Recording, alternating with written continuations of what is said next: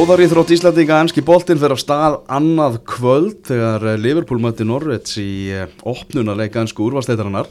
Sigurstedt Brynjólfsson og skólastjórun Magnús Þór Jónsson eru hérna mættir til mín af, af kopp.is.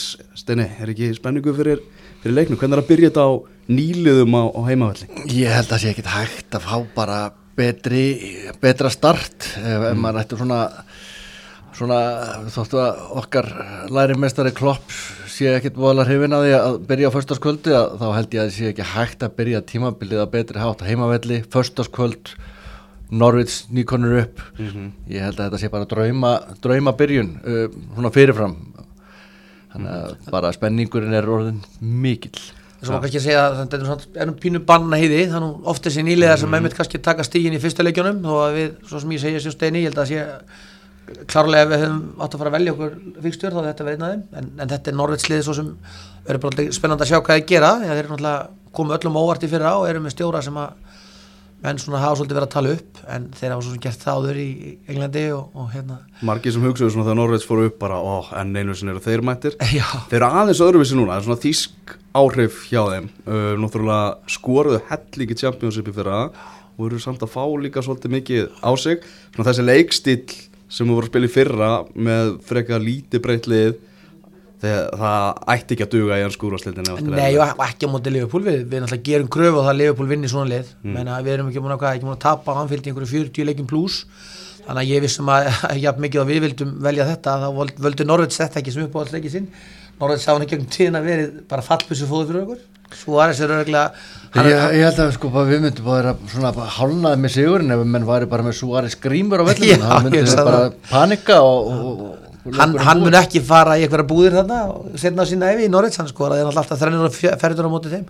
Þannig að þetta er, þetta er flott byrjun en, en vissulega svona baranýði það er, það er þetta gæti Norveits komið á orðið svo mörg svo sem aðeins litlum hafa gert hún í byrjun. Þannig að En oft á tíma þá, sko þetta Norðislið hefur verið að reyna að spila fókbalta mm -hmm. það sem maður hefur séð að því og, það henda Liverpool oft á tíma vel það er, það er erfiðara þegar við erum að mæta þessum svona Trukkum. harðhausum og trukkum sem, a, sem að pakka bara í vörn og, og, og negla fram en það er vonandi gefið góð fyrirheitum þennan fyrsta leik Já, svona fyrir hlustendur þá kannski mæli ég með að fylgjast með Max Arons í bakverðunum hjá hjá Norveits, ég sá nú nokkra leiki með þeim í fyrra, það er ungur 19 ára strákur sem verður ekki lengi þarna í þessum búningi. Vá, melda það, Liverpool var orðað við hann lengi fyrir auður sem svona inn í bakara jafnum okkar, þannig að það er vissulega spennandi strákur.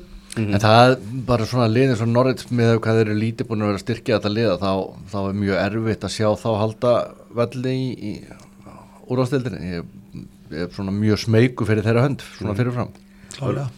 Það verður fróð að sjá hvernig það gerist. Eh, Við heitumst hérna á, á gluggadegi en þið þurfuð ekkert mikið þegar þið leiðum að vera að rífressa síma, það er bara frí á, frí á skriftofunni við, við notum bara gluggana til að horfa út með þá sko. Já, við, við höfum undanfærin ár verið með svona gluggavakt á síðasta mm. degi, það kom ekki upp í umræðinu núna mellið okkar Nei, við, við trúum bara því sem Klopp segir að klúpurinn er greinilega að hérna að einhvern veginn að borga tilbaka það sem er af eitt undarverðnum árum. Við ætlum að leggja sér gríðilega fjárfestingar mm -hmm. að byggja upp mitt rosalega dæfingarsvæði og hafa ekki alveg náða að selja gamla svæði sitt eins rætt og þeir vildu.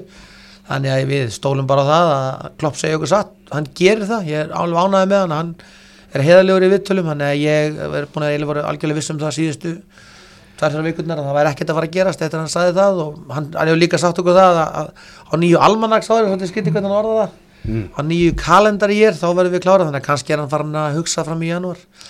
Ég er líka sko það er ekkit einfalt mál að, að bæta inn í svona hóp, hann er búin að vera að byggja upp mikla liðseld og maður sér það alveg á liðinu og bæta við mönnum inn í þessa jöfnu og svona það sem maður hefur helst hort til að það er að byrja bæta við svona fjóruða alvöru framleikjandi leikmanninu, sóknarmanninu og það er ekkit einfalt mál að setja það en ég meina þú, þú ert að þú ert að setja smá launastruktúr í hættu með því eða þú ert að mm. fara að kaupa mjög, mjög stort nafn inn í, inn í þjájöfnu og eins bara þá ertu komin í þann pakka það er alltaf eitt sem að situr á begnum í hverjum mm. leik, hvort sem hann heiti Sadio Mane, Firmino eða Sala og þú ert svona að, maður getur alveg síðan fyrir sér að hann sé að horfa, horfa á svona harmoníið í, í liðinu í heilsinni mm. með því að halda sér höndum núna En ef, ef það myndi þetta einnin, væri það þá svona maður sem myndi vera kannski aðeins að létta álæginu á, á fremstum? Ég myndi segja að það væri það sem að þyrti helst og ég er reyndar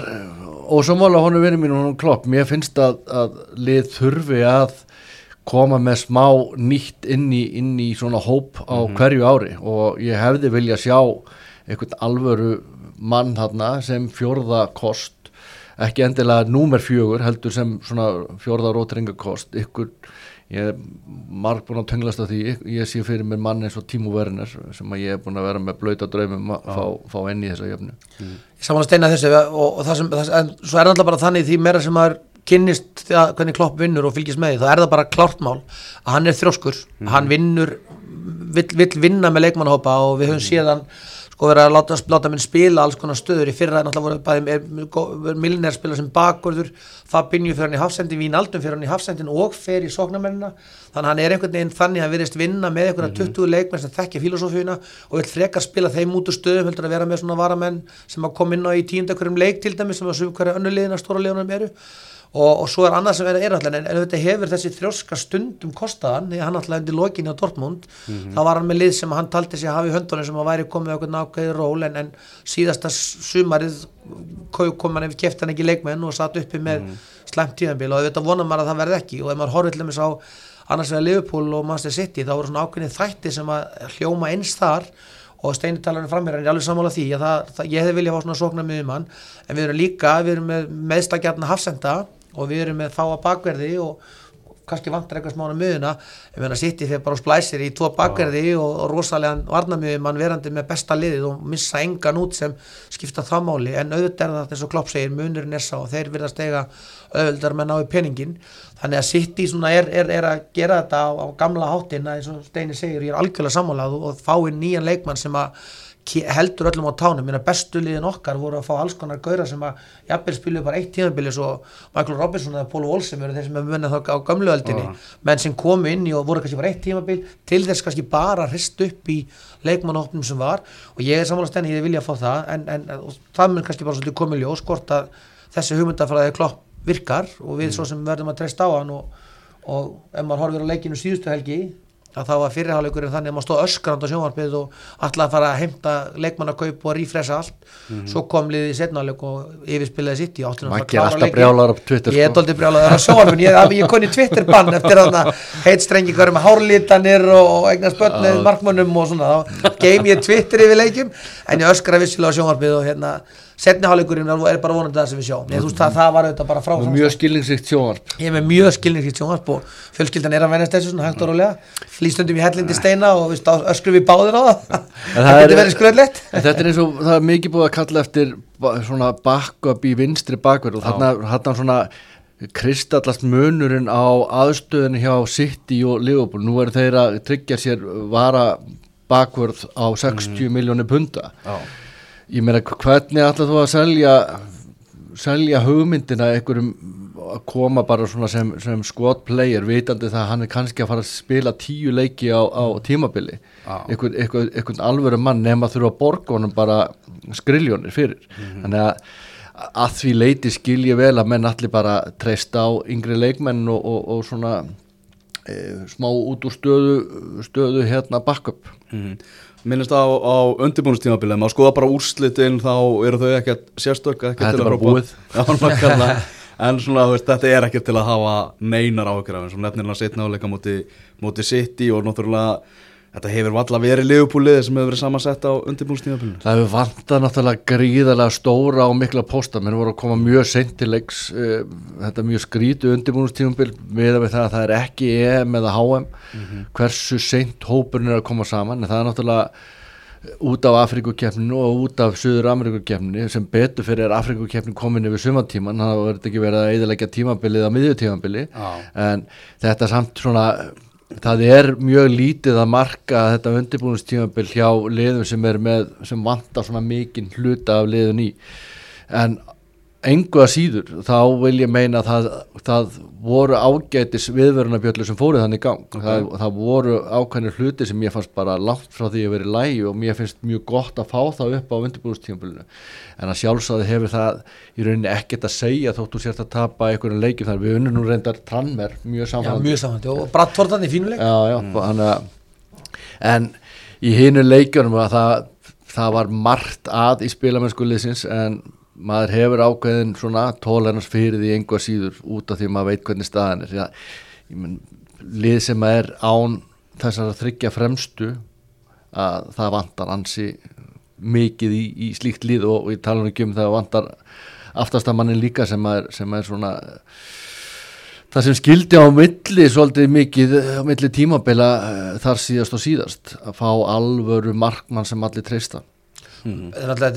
Ég er alveg ánæðið með þá Gardiola og Klopp að vera farin að tala upp á tömum þessu undirbúinastími þetta er náttúrulega bara tómum vittlisa í rauninni að Liverpool stormindi bandarækjan og spili þarna á, á völlum sem er ekki notar í fókbalta og voru mm. hver öðrum verri, eða voru ekki litlir þá voru þeir ja. óslegnir eða bara upptættir mm. þannig að þessi leiki voru mjög kjánalegir og þú ert að nota leikmenn sem, að, sem að þú ert svo sannlega ekki fara að nota mm. gott dæmi er Simon Mignolet sem var greinilega alltaf að leiðin í burtu spilaði alltaf leikin í markinu, bara græti ekkert á því en mér varst kannski það sem við fengum helst út úr þessu var kannski ákveðið svona mælikvarði líka á það að sumir þessar ungu leikmann okkar sem við höfum svona vilja að skoða og vilja að horfa til að núna ertu bara búin að, bara búin að hækka þreppið fyrir þremur árum hefðu við ekkert verið að pyrraði við stein yfir svo undirbúinist tíðanbili held ég eins og við vorum þarna núna að þú veist tapa fyrir Sevilla liði sem að hafa sér eins og kjánar og vinni ekki sportinglið vegna þess að það er bara svolítið sámar að nöfni svo minna Curtis Jones, Ryan Kent svona nöfn sem við höfum verið að horfa til sem einhverja leikmannar sem að ættu séns, jáfnvel Harry Wilson þá hann er verið eitthvað gott undirbúinistýmil fannst mér að þeir eru bara ekki tilbúinir í þennan slag sem við ætlum að vera að gera og það kannski sástbæði mitt bara best þegar við vorum komið með allt mm. liður, mér er ekki ennþá búin að fá mannirendar sem að skipti miklu máli, þetta er frábært tímabili fyrir að var kannski underdog sem besti leikmaði leysin sem Van Dijk ekki verið með að þá sá maður bara hverju það breytir að vera komin með þessa gæðaleikmenn þannig að strákar eins og Wilson sem ég held að ég er að fega fínan fyrir í ennskutildinni og sé á góðum staðið bornmóð því vettur Jappel og Ríki Brewster sem var svolítið búið að tekna upp sem svona barnastjörnu mm. hjá okkur og, og leikmenn aftur af vellinu sem bara voru ekki að ráða við þetta intensity sem að fylgir því að vera að spila með erumesturunum og liðið sem allir og englansmestari þannig að kannski sínd undirbúinustimlið okkur þar því mann fóra af stað með væntingar um alls konar ungnöpp sem að getur komið inn í hópin og verið skvatpleirar sem að bara við sáum bara að ríða ekki við það. En, en eins og Steini segir, minna, varnarleikurinn leita ekki vel út, jafnvel þó var einn komnir þarna með Matip, uh, Van Dijk og Fabinho. Og það var bara alltaf gott, ég er alveg sannfæður um það að það var eitthvað sem að, sem að, sem að klopp rökk við með. Og hann var hundfull í þessum leikim mm. þó hann hafi settið inn á að skrifa einn einardarartennur og viðtölu sem hann tók og það sem hann sagði, hann, hann var ekkit ánaði með hund og hann held ég með að fara til bandarækinn í þetta mm -hmm. ævintýri en líka bara það að liði var ekkit að ná að spila þess að hann var að gera og það held ég að sé eins og steinis að bara fínt veik upp kól fyrir mótin. Ég held líka að þetta verði tekið til endurskoðunum núna, þetta er búið að vera rosalega mikið hjá þessum stóru liðum núna í undirbúinustífambilunum þessar Asjúferðir og Ameríkuferðir hinnar á þessar aðstæður ég held að menn hljóti að fara að setjast niður og svona reikna sér til bara er þetta virkilega þess virði að vera í þessum pakka í staðan fyrir að vera kannski með liðið í tvær vikur í einhverjum ægingabúðum þar sem þú getur verið virkilega að vinna í hlutunum. Eins og Klopp talaði um það sagði bara við varum alltaf proper training camps það þegar komum til Fraklands þú ert búin að vera í tvær vikur í bandækja Þannig að er þetta þess virði þegar þú ert að, leggja línunda fyrir sísoni ég, ég held að þetta komi til að breytast núna næstu árum bara að setja upp það og svolítið að því að allt gott og vel með marketing en ég held að það sé ekki, ekki eitthvað make or break en svo er þetta líka lakkar svolítið að sjá hvernig þetta verður núna þegar mótum byrjar, menn að við Leopold byrjaði náttúrulega þaðvílit hérna, hyggstandi í fyrra. Ef þú skoðar reynda fyrir utan vestamleikin í vestam voru náttúrulega bara ekki konið með lið þá förum við og tökum Crystal Palace ósamfærandi, vinnum svo Brighton leik sem við vorum á vellinu sem var náttúrulega alveg eins og horfum áling og þorna lengst af svo leikur sko, einhvern veginn sko.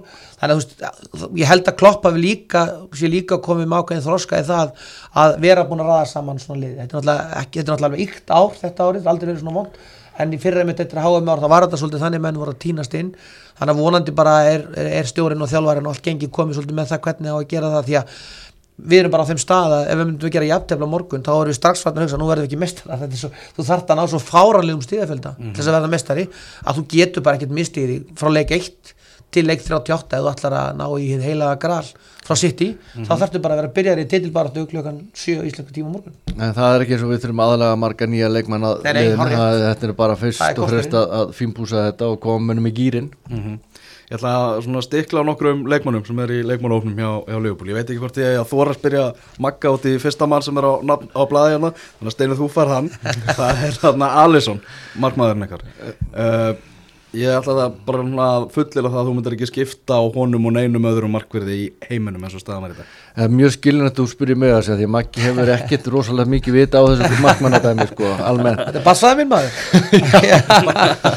Tilvörandi Tilvörandi Já, þú bara neglir neglan alveg hárið eftir á hausinn hann ég er bara, bara heitlaðar af Alisson, ég finnst hann bara hann er eins og snýttur út úr þessari hugmyndafræði mm -hmm. sem, a, sem að maður var að vonast eftir að því að Minjuleg, fýtt markmaður og allt það en, en, en hann er bara svona akkurat ekki markmaðstýpa sem að lifa på þarf ah.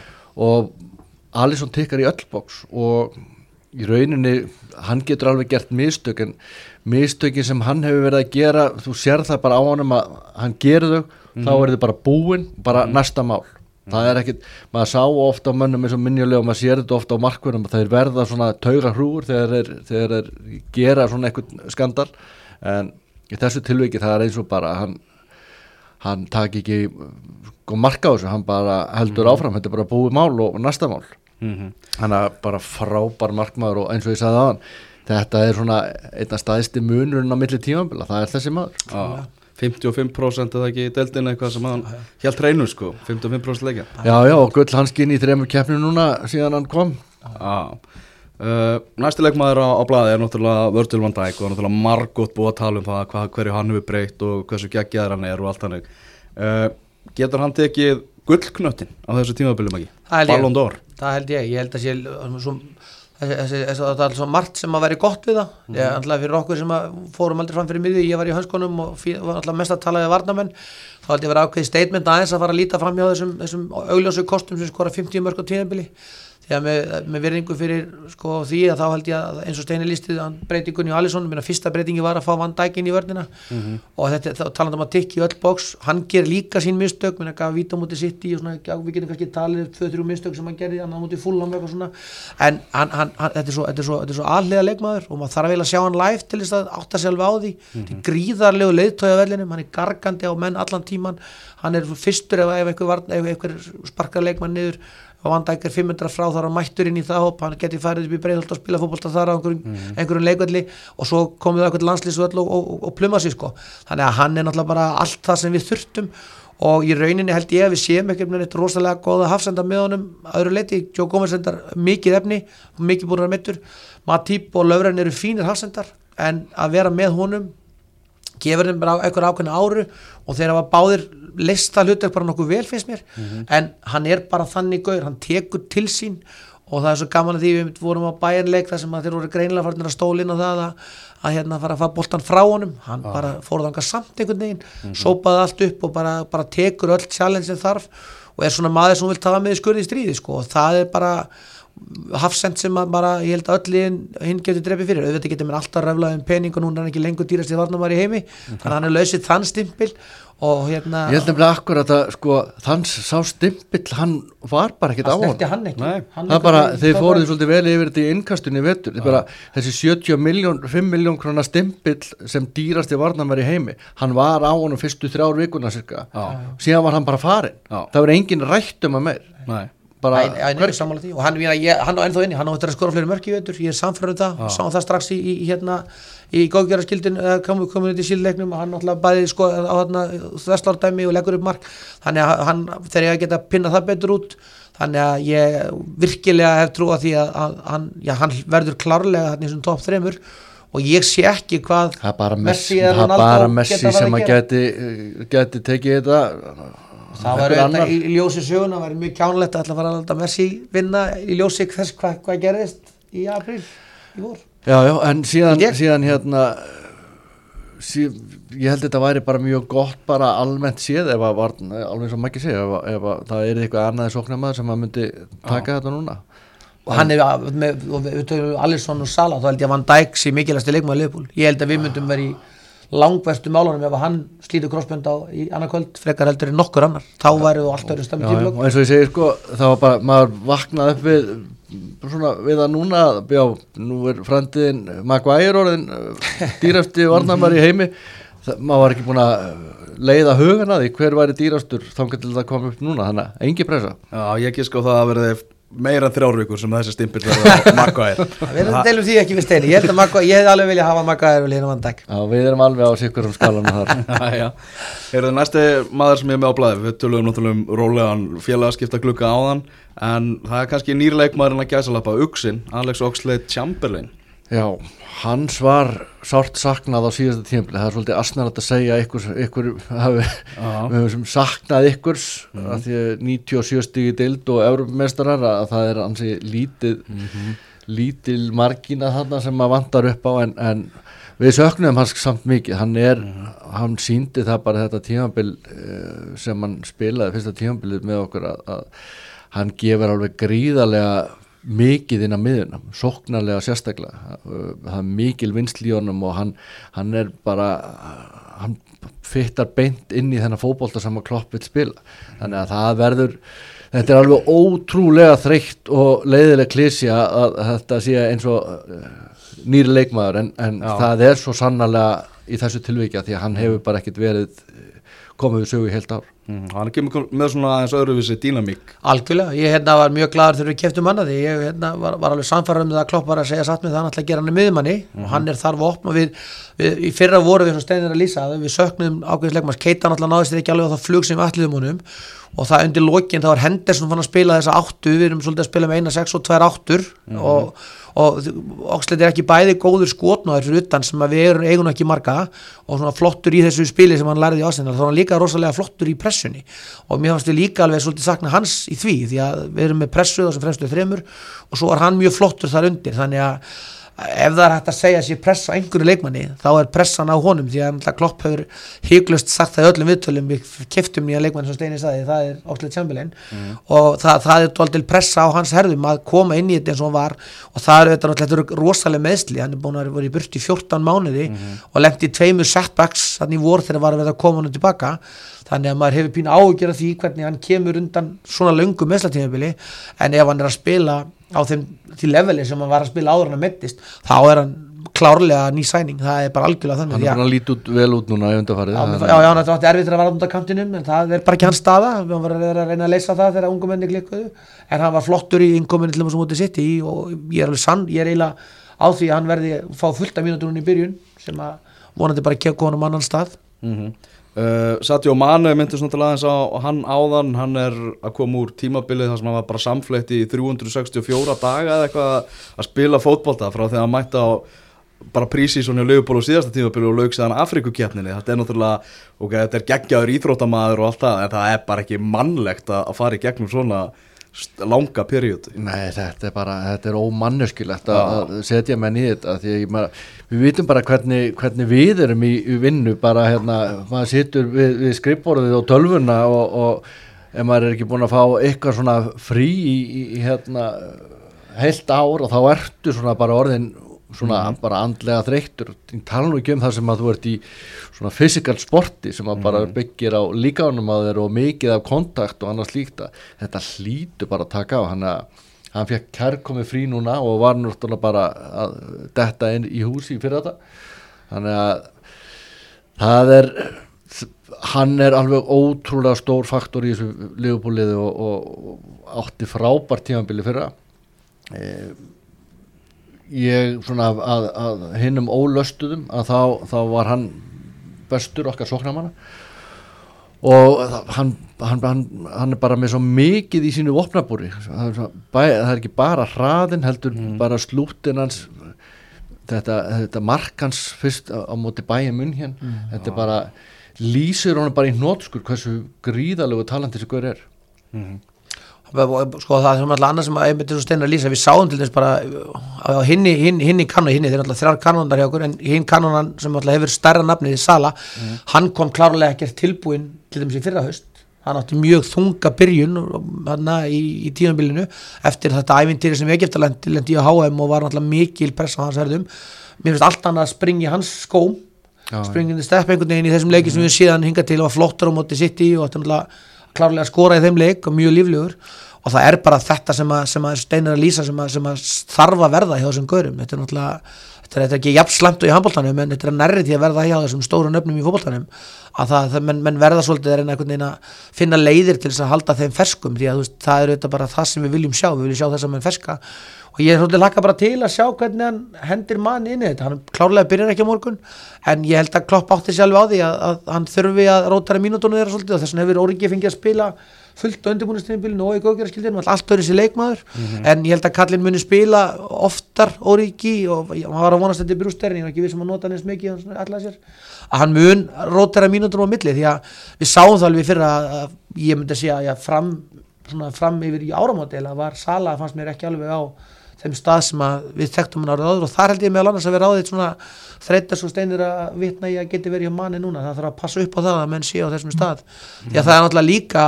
fyrir þessa strákallins bæði Sala, Sala og Manni sem eru náttúrulega fyrirliðar í, í svona Íslandi á stórum stærðum sko, löndin þeirra eru náttúrulega, þetta eru fyrirliðar, þetta eru gauðarnir sem að leiða miljóna þjóðir og eru trúið á sem átrúnaða góð, þannig að þegar þeir fari svona stormút þá er þetta engar smá væntingar sem gera og ég er ljó, ljótar að segja það ég var óskaplega gladur ekki eftir að hann dætt svona fljótt út úr mm. sinni keppni því að ég hefði alveg ágjörð því en manni fór allar leið og þurfti að vera þarna í löngum periódum þar sem að var klárlega spotlætið allt á hann mm. Var ekki Salavalin hann áhrifaríkasta manneskja heims. Jú, jú, hann er eitthvað ótrúlegum peningum í, í alls konar mál heim í Egyptalandi svo sem eins og manni farin að gera þetta eru menn sem eru bara átrúnar góðir þetta er bara, bara ég sé að vera komið í Egyptalandi einhver trúarsöfnu sem trúur á hann. Það sá ég það, sem við bara svo að gera Maradona í gamla dag þannig að það er líka það, þessi andlega þreita sem að menn kannski fá af því að verða stjórnum sem ég held að Sala hefur svolítið greint í fyrra en, en, en vonandi við sjáum ekki að manni í vettur því að ég segja sammála steina því að hann,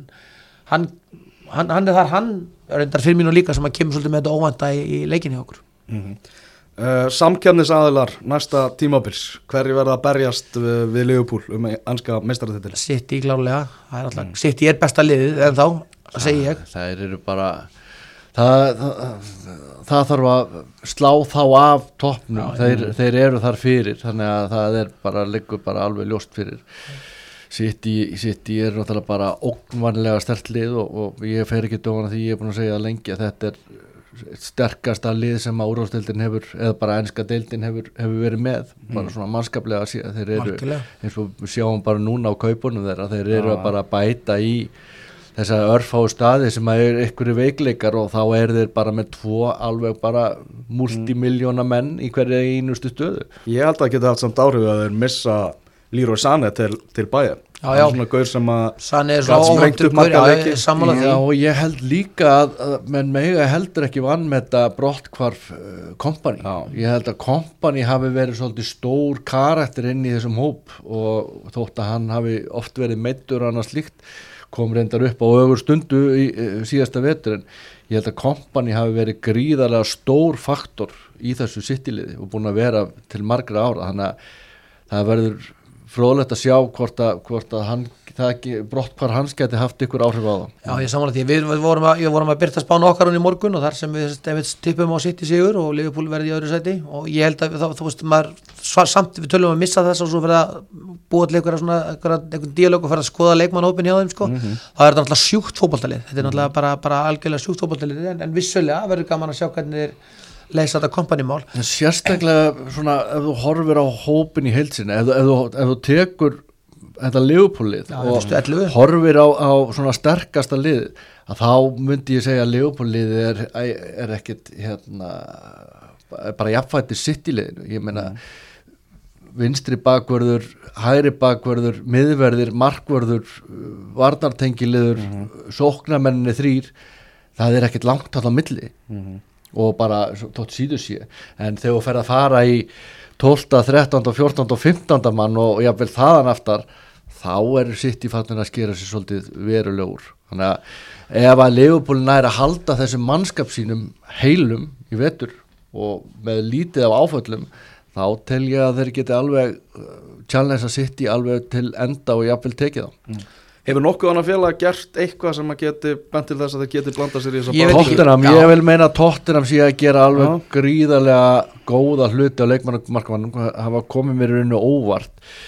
Eina sem að svona maður setur spurningamerki við þar með að við hversu mikilvægar þessa bakvarða stöður eru orðnar í, í nútíma fókbalta mm. að þeir eru búin að láta trippjar frá sér. Já og það er búið að vera mikla sögur um að, að Rós vil ekki vera þarna en þeir vil ekki halda honum hvort sem er nú rétt. Að það er svona smá spurningamerki sem maður setur við bakvarustöðunar þeir eru reyndar að reyna að ná í Sessinjón hann fyrir vinstri bakvarun en hann er meiri svona vangmaður en það sem þeir eru búin að vera að gera á miðsvæðinu ef, þeir klára þessi kaup sem þeir lít út fyrir að vera að gera varandi miðsvæði því að miðsvæði var að mínum dómi hafa langveikast í lekkurinn á síðasta tímanbili þá geta þeir alveg farið að, að challengea þetta alveg fram í svona 30 snumferð með þetta tóttanlið, maður býður alltaf einhvern veginn eftir eða klikki sko, fyrir að veitur alltaf getur ekki kæft leikmanni alltaf konar með hann geggjaða fókbaltaföll þegar maður, maður hefur manni heyrist á ótrúlistum önum að sé sá flottast þess að þú finnur og ætti að geta mhm. búið til svaka grifju að maður einhvern veginn býður eftir í klikki og klikkar aldrei og það var einhvern veginn bara mestradildar var jafnvel klikkari á þeim heldur en okkur sko. þannig að það er heldur vegna að þeir eru ótrúlega vel þjálfa lið og að þeir sem eru að vinna í kringum lið eru bara fagmenn fram í góminn og við náttúrulega sláðum hennar úrslutaleik svolítið bara eftir 50 sekundur úr höndunum á þeim og leikplanin gekk upp hjá okkur.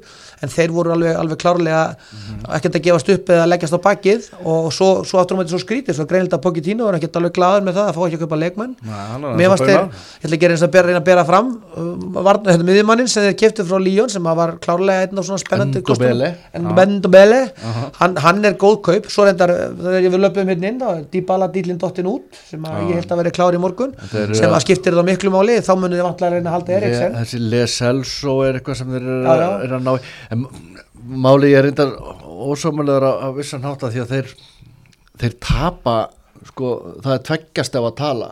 Tapleikinnir er í deildin á síðast tíanbili þannig að þeir eru að tapa ótrúlega mörgum leik, leikum en þeir voru bara ekki að gera neinn jafntefni á síðast tíanbili það voru alveg fullt af veikleikum hjá þeim og á stórum kabla voru þeir máttu þeir teljast hundhefnir en, en uh, þeir voru að klára leiki sem þeir áttu kannski lítið skilur á síðustu sekundunum og mínúndunum. Stóra málið þessu tíumbilu næstari held ég að verði ég myndi að vera það að það þurfa að verða fleiri challenges heldur en voru í fyrra því að þú veist, það, var alltaf sitt í liði vinnur náttúrulega afreg sem að ég held að vera aldrei topp að vinna 27-28 fókbóltalegjum á áramótum það er náttúrulega bara eitthvað sem maður bara held að myndi aldrei geta gerst og þó þessi, þessi eini tablökur er þarna mútið tóttinam og, og, og bara fáraldi skil ekki áfram í rauninni út af því þannig að það sem verður að gerast er það að það þurfa að koma upp lið sem að challengea þessi tvö stærstu mhm. -huh. og þar tóttinam við teljum að þar á eftir verði United við kopp.is menn samtals og það er auðvitað það sem ef við ætlum að verða mestarar eins og okkur steina dreymir auðvitað um mhm. -huh. þá við svona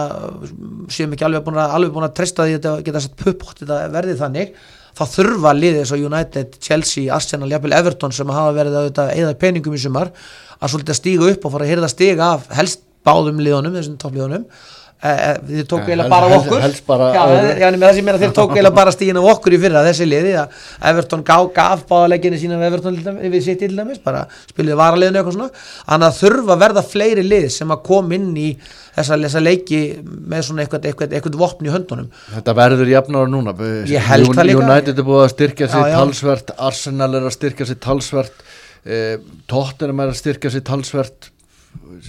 Ég vil meina að þetta sé gæti orðið skemmtilegt ár fyrir Chelsea. Þeir, þeir svona, eru svona eh, settir aðeins nýra á jörðina og, og ég hugsa að stjórið er að fá í loksins svona smá, smá svona andrými til að mm. gera hlutina. Þeir svona romantík já, já, nota þessa ungu stráka. Hvað eru búin að láta mikið af ungu stráku frá sig sem eru búin að blómstra síðan annar staðar? Ah. bara í staðan fyrir að vera að kaupa einhverja hvað er nú að heita hérna, morata og þessi kallar bara nota það sem þeir eru með. Ég held þetta getur, auðvitað er þið búin að missa Hazard og það er náttúrulega gríðarlega stort skarð en mm -hmm ég held þetta gæti orðið svolítið svona spennand og skemmtilegt tímanbér fyrir, fyrir Chelsea. Þannig að öll þessi lið eru að styrkja sig þannig að ég, ég er pottitur á því það verður ekkert 98-100 stiga, stiga sigur hjá, hjá City eða Liverpool í ár og svo lítur við fyrir neðan í litluðin eins og Everton til dæmis Vestham Úlfana sem hafa líka verið að eða fullt af penning Við verðum að þess að ræða um grannleika fyrst eru nú, eru nú með annan fótinn í Liverpool borg hvað er að gerast hjá Everton? Þeir hafa farið Everton, Everton er náttúrulega að reyna að vera stórir Já. það er alveg augljóst mál og það er, einmitt, sko, það er alveg klárt mál að þessi, þessi eigandið er aðnum frá Íran mm. er að gera er að vill gera sér stóran og þetta er gaman ég var að nota jólunum í fyrra það fyrsta sem ég tók eftir tökum kérandin í borginna það voru blá ljós á, á hérna, lifirböldinginu með, með, með mössisat fugglunum og hann borgaði fullt af peningum til þess að fá að sko, afnóta rétt af þessu ljósum og baða, baða fugglan í blá ljósi á áramótonum, það er svolítið segir sko karakterinn, mm. hann ætlar sér að, að hérna, koma þessu liði inn í meistrarliðina, mm -hmm. hann ætlar sér að byggja þennan völl sem er náttúrulega draumur þeirra allra, vera með völl hann bara réttur utan miðborgina nýði dokkinni og fara úr skugganum hjá, hjá Liverpool. Svo fór ég að leika hana mm. og til þess að horfa á Gilva ég hef þurft að þóla mikinn bandir frá vinnum mínum á Koppundurins að hafa keift afturðal í miða af Everton. Og það var ekkert að gerast einhvern veginn þá, það var hræðileg stemming og átti börnum mínu mitt fóru með mér og þessi litla vildi endilega komast í lestaradánduna því þeir voru það einu sem sungu. Þannig að Everton er búið að vera í, í, búið að vera reysaklúpur í helginarna krísu.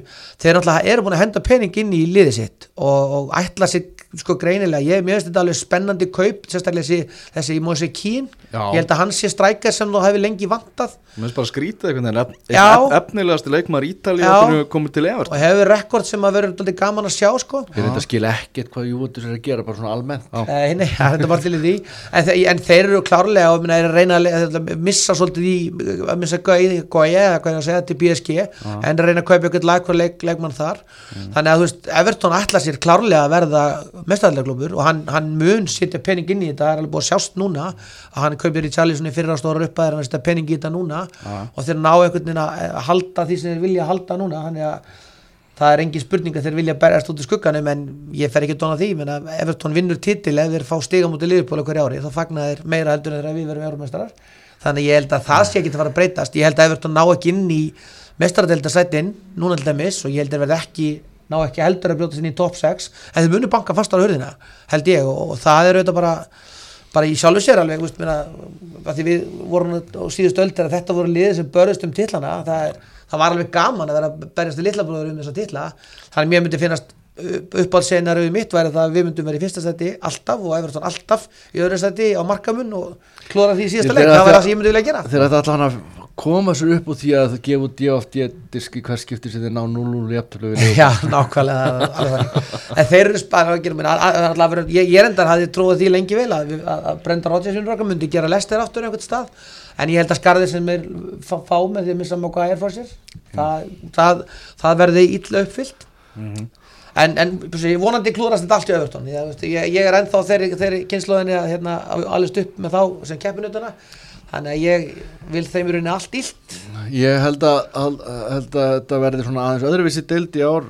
Það verði færri lið sem að verði hérna í bullandi fallbaróttu ákveðin hópur sem að verður hún verður svona, svona já, verður svolítið fjórskipt núna ekki bara þrískipt eins og hún hefur oft verið. Mm. þannig að ég, ég er á því að, að, að Wolves, jafnvel Vestham Leicester, Everton þau getur verið að fara að færa sig aðeins nær þessum top 6 pakka á þessu tímafili mm -hmm.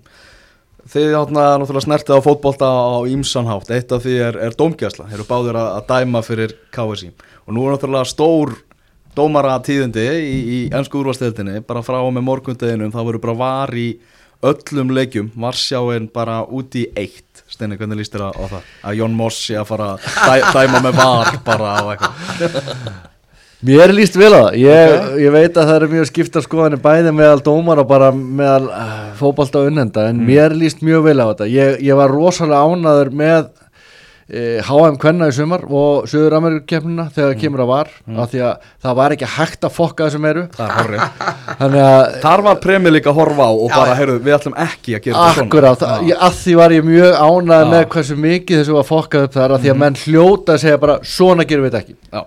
Það er bara mm -hmm. bottomline og í mínum huga þá var er komið til að vera þetta snýst bara um að fara að gera þetta bara almenlega og þetta á ekki að þurfa að taka langan tíma og þetta í mínum höfu er þetta þannig ef að, ef að sá sem er í varherbygginu þarf að, að endur sína oftar en tvísvar Já.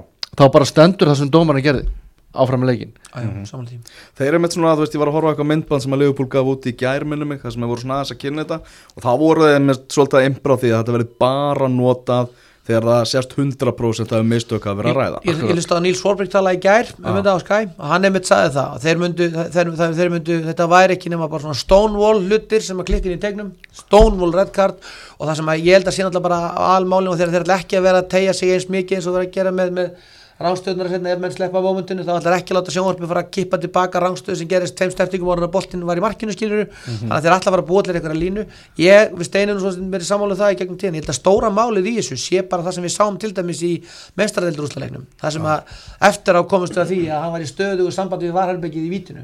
Ah. það sem er bara menn sem treysta hver öðrum. Ah. þannig að við steinir verðum að dæma ég er í vítiónu, steinir er á vellinum og ég gargi hann steinir til víti þá bara er dæmur á víti. Þá þarf hann ekki að stoppa og býða, hlaupa í í einhverju vesinni þannig að menn búa sér til tröst á kerfinu. Það er algjört líkilætur og það fannst mér nú sérstaklega á um hvenna það var bara greinilegt að dómararnir voru ekki með sjálfströst í það að taka þessar stóru ákvæðanir það var líka svona þegar Englandi að prófa þetta fyrst. Já, já, já, það var ræðilegt hendur sér í djúbulöðuna það var eins og þeir ætla að gera þetta nógu ítla til að þetta er ekki innlegt en í þessu tilviki ég, ég sé ekki alveg munin að ég bara, nú dæmi maður mikið og, og við erum mm. með fjár, hérna, samskiptabúnað mm og ef að dómarunum yfirsjast eitthvað og ég sem aðstofdómari sé það mm hvort sem að það er rautspjald eða viti eða hvað það er þá kalla ég það í kerfið og dómarinn hann treystir mér sem hluti af teiminu mm, þarna er bara í rauninni að koma 50 maðurinn sem hluti af teiminu -hmm. sem að er með þau forréttindi, hann sér þetta í endursýningu og ef það er ekki hægt að treysta honum mm -hmm. og þá er ég ekki að meina vafa atriðin e, eins og bara í úslítaleg HM það sem að þurfti að marg endur sína og þetta var bara vafa atrið og það er enþá vafa atrið í dag sumir dómar segja þetta hafi viti og sumir segja ekki viti ah. ef þetta er svo leiðis mm. þá bara stendur það sem að dómarinn sá í byrjun mm. Algjörlega þannig og ég held að það, það sé bara það sem við viljum sá því setja hann að þátti vera ennsku og bara senda hann Ég haf svolítið gaman að því ég er svo lengi búin að vera að rífast um þetta, þetta mena, ég, ég, því maður horfi líka á NFL og NBA sem menna var að nota þetta bara mjög lengi. Og var leikir, það skipt mjög mjög máli ráðist á okkur dómaramistökum. Þá fara mér að tala um að dómaramistökum er bara hluta leiknum, hverjir er það sem að tala svo hæst um þessi dómaramistökum? Og eða kannski 5, 10, 15 mínútum í út af þessu sjónastáttum til þess að spotlight einhver ein mistök dómarans, mm. ef maður er dómari og maður lendir í því að gera mistök sem að kosta leikin, ég er nú alveg rætt af menn sem hafa gert stór mistök á ferlinum sem er erfitt. Það er ekki það sem þú vilt vera að gera. Þú ferð ekki inn á leikvöldi sem dómar er að gera mistök, mm. þannig ef að, eins og Steinar að lýsa, ef að það er maður með mér sem að getur sagt mér frá einhverju atviki sem ég missa af, sérstaklega í delt eins og þessari sem er aðeins raðar en delt en sem við Steinar erum að hlaupum í. Örlítið, örlítið. Oh. þá viltu það, þú vilt ekki vera að hella hann í daginn eftir, það vil, vil engin dómari nefnum þá vera hósa fyrir eitthvað frábæran eitthvað, en það vil engin fá sexblasina dálki daily mail eða, eða, eða 20 minna slott á Golson Sunday um eitthvað augljóst moment sem þú mistir af. Þa, það er bara það vilja allir að leikiti séu rétt að dómararnir vilja það, áhörundu vilja það liðin vilja það. Menn munum læra þetta, það og er bara þannig. Bara ef að það er hægt án þess að, að það hægja á leiknum um of þá eigum við að grýpa þá gæs mm -hmm. alveg um leið. Og ég held að þetta sé hægt og þetta snýst bara um að, að læra af svona, svona dæmi eins og við sáum í sumar mm -hmm. og, og gera þetta bara rétt og ekki vera, vera hérna, staldra of mikið við þetta. Og þetta er ekki dýpill lengur hvort það komið ekki, Nei, þetta er komið. þetta er komið, núna, núna snýst það bara um að gera það vel Michael Oliver dæmir leikin á morgun og hann er náttúrulega maður sem að vill dæma stærstuleiki í heimi. Það er það, það sem hann stefnir. Besti enski dómarinn, bara bæ far. Þannig að hann þarf að sína það í þessum fyrsta enska úrvalstildar varleik að hann geti dílað 100% var þeir er náttúrulega eiga nokkra sem hafa verið að dæmi mestadlitinni sem að svo sem eiga að þekka þetta. Þannig að það er menn auðvitað munum við gera í þessu mm -hmm. það er pottið mál, veist, bara eins og það þegar með mig þegar maður byrjuði á, hérna, á píplökunum í gamla daga eða þegar vorum að byrja á þessum headsetum, þá vorum við auðvitað að læra inn á þetta þannig að þetta tekur tíma og það verði einhver tíman mhm. einmitt, það fer einhver tíman einhverja fjóra-fimm myndur í einhvern incident sem að menn verða svo bara teknir að teppið eftirlitsmönnum út ennsku deildin og bara því að við vitum það að þetta, þetta, er, þetta, er, er, þetta er besta sjómarsýðrútt í heimi og það að býða í sjöminundir drákurum dómar að mun alltaf verða til þess að menn bara skiptum stöð wow. þannig að það verður bara þannig að þegar að mistökin gera þá bara verður annarkvæmst dómarum hent fljóðlega sem er að gera mistökin mm -hmm. og annarkvæmst í staðin eða menn snýða ángan af þessu veist, minna,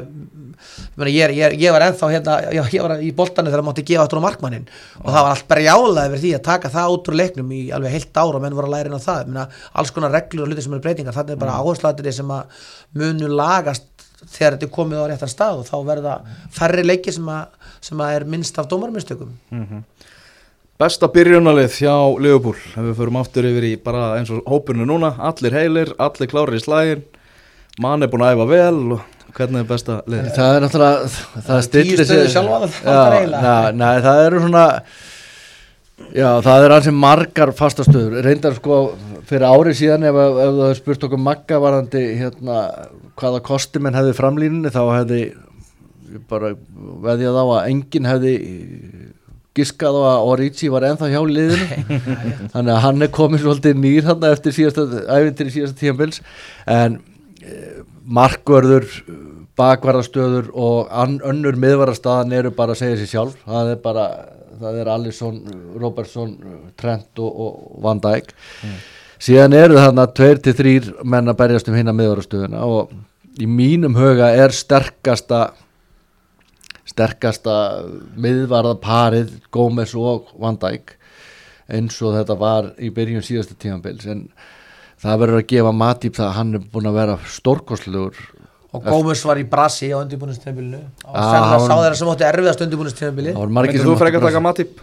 Já, ég, myndi, ég, ég held að Matip byrja morgun. Ég er endar, eins og sé, ég hef ofsalega trúið Gómez en hann er búin að vera mikið í meðslum og mér fannst hann eiga bara hræðilegt undirbúinustíðanbíl og mér fannst hann eiga mjög erfitt á móti sitt í það var enda sitt í spilaði þetta kerfi sem við munum þurfum að eiga við í vetur og að lokum breytti hérna, kloppti á þann hátt hann tók trend út á hendi Gómez í bakverðin og mm. Mattíf þar inn. Og þar með var sett fyrir hann að leka að spila yfir, yfir bakverð sem var mjög soktjarfur þannig að Gómez mun halda áfram að rótera hafsend og bakverði og verði svo sem að mun leysa trend af í einhverju leikum bara með svo miklu mér hraða já já, hann hefur það, en mér finnst bara ég, við, við Steini vorum ósamlega Mattíf fyrst og við hefum tekið dífundur okkur ég, ég er orðin Mattíf maður, ég, mér fannst hann ómikið mittur mér fannst hann gera mikið mistökum en mér finnst hann var frábær í fyrra og einkoman hans á, á, á Vembley fannst mér eiga bara taka sementið á því að, að hérna, halda honum inni því að hann skorar alltaf mörg líka mm -hmm. sem við sjáum ekki góma skera hann er svona hætta í settvísaturum hann er að ég myndi stilla Matip upp að Ég er lúfa fyrir makka núna í þetta skipti. Það er mjög á framáruveldin það... það, það er svona aðal, aðal hausverkurinn. Ah. það er það sem að Klopp hefur verið að rótira hvað mest og þar er mjög, þar er hann bara að stilla upp nákvæmlega eftir því hvaða móterjur, bara hvaða þrýr, eða rauninni ætti að vera orðin tveir, af því að uh, Fabinho ætti að vera inn í öllum byrjunarliðum í dag, mm. hann er bara lang, lang bestur í, í þessum holding midfielder hlutverki, en síðan hinn er tveir að það eru ansið margi sem er að berjast um þá stöður, það er Henderson, Oxlade, Chamberlain, Lallana Ínaldum, Ínaldum Keita. Milner. Milner. Það eru sex menn að berjast það eru tvær stöður má eiginlega segja. Eh, ég myndi það fyrir svolítið eftir hvort þú vart að tala um stórleika eða, eða á móti ykkur um minnisbámanum ég myndi líklegast á, myndi, á móti um Norvids myndi ég vilja sjá bara Keita og Ox fyrir framann Fabinho bara töffara uppstilling bara, já, já, bara sækjum og bara rúlum yfir það. En svona alla jafna þá hugsa ég væri alltaf með hendó í annari hverju stöðunni.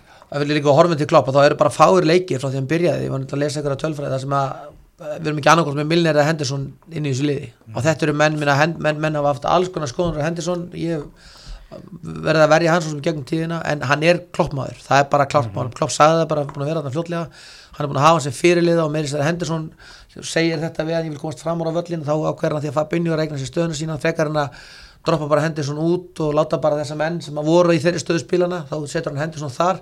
Þannig að Henderson er klárlega leikmaður sem að er ef við ættum að stilla upp ellum hann að byrjunlið þá held ég að Fabinho og Henderson væru alltaf þeir sem spila flesta myndunar og svo bara er þetta ró, róleis og Steini segir orðið mjög klassist, við, maður veit aldrei hvaða miðumönum hann hendur upp. Og þegar hann kvíli Fabinho þá held ég að Henderson dottir eftir dropið djúfti að Fabinho spilar ekki 60 leiki í vetur. Þannig að þess, þessi sjömanna miðjupúli er svo sem að, sem að er eitthvað sem við getum aldrei veginn stilt upp. Nei. það er veginn þú veit með markmannin og nú mm. varnalinn okkur klára. Fremstu þrýr eru sjálfvaldir, alltaf eru heilir og ferskir þá eru manni fyrir mínu sem er alveg geggaði fólkváltamara því við tölum alltaf minnstum hann, hann er einhvern veginn dettar alltaf í skuggan manni fyrir mínu og sal eru bara byrjunar front 3 hjá okkur alltaf mm. þeir eru heilir. Við munum sjá Origi spila meirinni fyrra vonandi fyrir Shakiri aftur Ég geng svo langt að segja bara við getum spilað án manni við getum spilað án Sala við hefum mjög erfitt með að spila án fyrir er bara hann er, er, er bara gríðarlega stór heili í þessu fókballarliði sem að, að Leopold er í dag og bara eitt sá að ég finnst alveg ég hugsa að ég myndi flokkan sem vann metnasta leikmannin bara í ennsku deildinni. Það, það, það er reyni bara svona við við hérna klikkausöldin sem að, sem að held ég svona gerum okkur almennilega grein fyrir hvaðan er virkilega góður fókbaltamar mm hann fældi stundum í skuggan, hann var ekki á, á listanum hjá mér í leikmann sem ég vildi Nei, nákvæmlega, það er bara mjög eðlitt það er bara það sem það er, ég, ég held aftur á móti eins og Steinir sér, þú þarf svolítið að hérna, vera pínu klikkast til þess að svona einhvern veginn pikka hann upp svo, og það aftur hjálp bara sjónleif, hann, hann bara er ekki kjur. Mm. hann er aldrei kjur. Og hann vinnur endalega svo vinnu fyrir liði, það er svona fyrir svona gamaldags sveitamanna fólkváltamenn sko að sjá gauðra sem er ekki hangandi á njánum á sér að býða til að boltin komi ah. heldur eru stanslöstu vinnu og teiknar upp svona marga luti þá er hann klárlega hann er, svo, hann er, hann er gríðarlega hérna, teknískur góður á boltan en ég hefur einn aldrei vitað áður að framherji geti flokkast í sömu típu og, og, og svona við vorum með Maka Lel og þessa gauðra sem að menn tóku ekki eftir en unnalla skýtavinnuna það hefur sjaldan verið svona fremsti maður sem hefur verið með, með slíkan stimpil á sér en, en fyrir, mín og er, er klárlega með mm -hmm. hann. Mm -hmm. og, og síðan á hann náttúrulega besta stuðnismanna lag sem að búið hefur verið til. En svo er það vel líka bara gaman að sjá því við náttúrulega erum með þetta, þetta, þetta sóknar tríó sem er nú klárlega að keppa við þá öll, öll bestu tríón í heimi já um það að vera bestu framhærinir og þetta er ennþá ungi leikmenn. Og þetta eru leikmenn sem eru er, ættu svona sagt gammaldags hugmyndafræðin að vera að stíga núna inn í svona þryggjára peak of their careers. Og það verður þetta bara gaman að sjá hvernig það fer því að mér þráttur er allt sérstaklega fyrir að haust það var svona ákveði hyggst í gangi hjá þeim við lukum tímanbylunum svakalega. Þannig að auðvitað mun það líka skipta máli að þeir þrýr bara haldi áfram að þroskast og þróast, þá getur við verið ennþá að sjá bætjúki hjá þeim öllum, það er, sem er alveg galið, það veist, eru leikmenn ennþá sem, að, sem eru ennþá þeim staðaferlinum að geta bætt við sig hlutum mm -hmm. sem að bara mann mað, mað býður spenntur eftir uppi Tveir þeirra voru markaðistir á síðan Já, já, nákvæmlega. Þannig að ég myndist á hana á kopp.is spána, þar sem að Leopold spáð öðru seti, þar sem kemur mest óvart hver er svona svart sýt ég verður að gefa það upp. það er ekki alveg okkar. það er fyrirverðandi pennifljóta. Menn verður að gefa það upp bara sjálf það verður gaman að sjá hvort einhver egna sér það. Ég veit hvað það er, ég ætla ekki, ekki, ekki að gefa það upp. Ég sé maður taka þetta saman en, en hérna, hann er hugaður. Ég, hann, hann verður, verður tölverð rættur á, á svona fundum félagsins. Ég hef trúið að því þeirra. ég vil sjá hverju það sett í öðru seti Þetta er bara, þú veist, við getum flokkað þetta sem bara rosalega svart síni Já, já við, við, það væri vond tíðanbíl Við klúum bara að tala íslensku. Ef að Liverpool verður ekki topp tveimur, þá verður við Já, það er, það, við erum frekka fúli með, með það, það. Og, það er, er, og það verður bara að segja að það er jákvægt að því að það er ekki mörg ár síðan að við vorum Hef, við höfum drefið fyrir þriðarsætti drefið fyrir fjóðarsætti þannig að það, er, það segir bara hva, hversu langt Jörgen Klopp er búin að fara með þetta lið á stuttum tíma. Og ég var að sjá okkur að myndum daginn ég held að sé hvort það er fjögur eða fimm ár síðan að það var eftir að minnuleg fór núna liðs uppstilling það sem var bara hendur svona eftir af, af, af leikmennunum sem voru þá. Ah. þannig að hann er búin að gjörsalega umbylta ekki bara liðinu heldur er búin að umbylta klubnum í heilsinni þannig að þetta er þetta eru mjög skemmtilegi tímar akkurat núna þótt að titillin stóri sé það er stóri, það gerist nú ekki uh, eh, Europatitillin en, en okkar Holy Grail er ekki komin en þá að þá, þá hérna, lítur þetta ótrúlega vel út og bara öll umgjörð og allt í kringum þetta félag er, er tipptopp í dag. Mm -hmm. Þetta hefst með Leopold Norrets annað kvöld klukkan 19.00 upphittun á Sýmur Sport hefst klukkan 6 hvernig spáðu þessum leik hérna að lokum strákar? Þetta verður erfiður 2-0 sigur. Ég hérna, vildi fá Norrets lið sem er menna, ef, ef ég væri í Norrets þá myndi ég vilja eiga leik lífsmís á Anfield. Þess að steinar að tala um að það verður geggju stemmingarna það verður mennir að býða þér erumennstrunum að Norræts heldur út í svona klukkutíma. Við setjum tvö mörg á sísta aldrei mm. Ég held að verður búið að koma fyrir Luis Suárez mynd fyrir neðan þessi Anfield merkið. Og menn reyna að slá í það á leðin út og þeir koma tögveklega til leiks og þetta verður stór sigur 4-0 4-0 segir Steini, eru stráka bara. Takk hjálpa fyrir komuna og, og við fylgjumst í gegnum þessa veislu sem framöndan er í, í vetru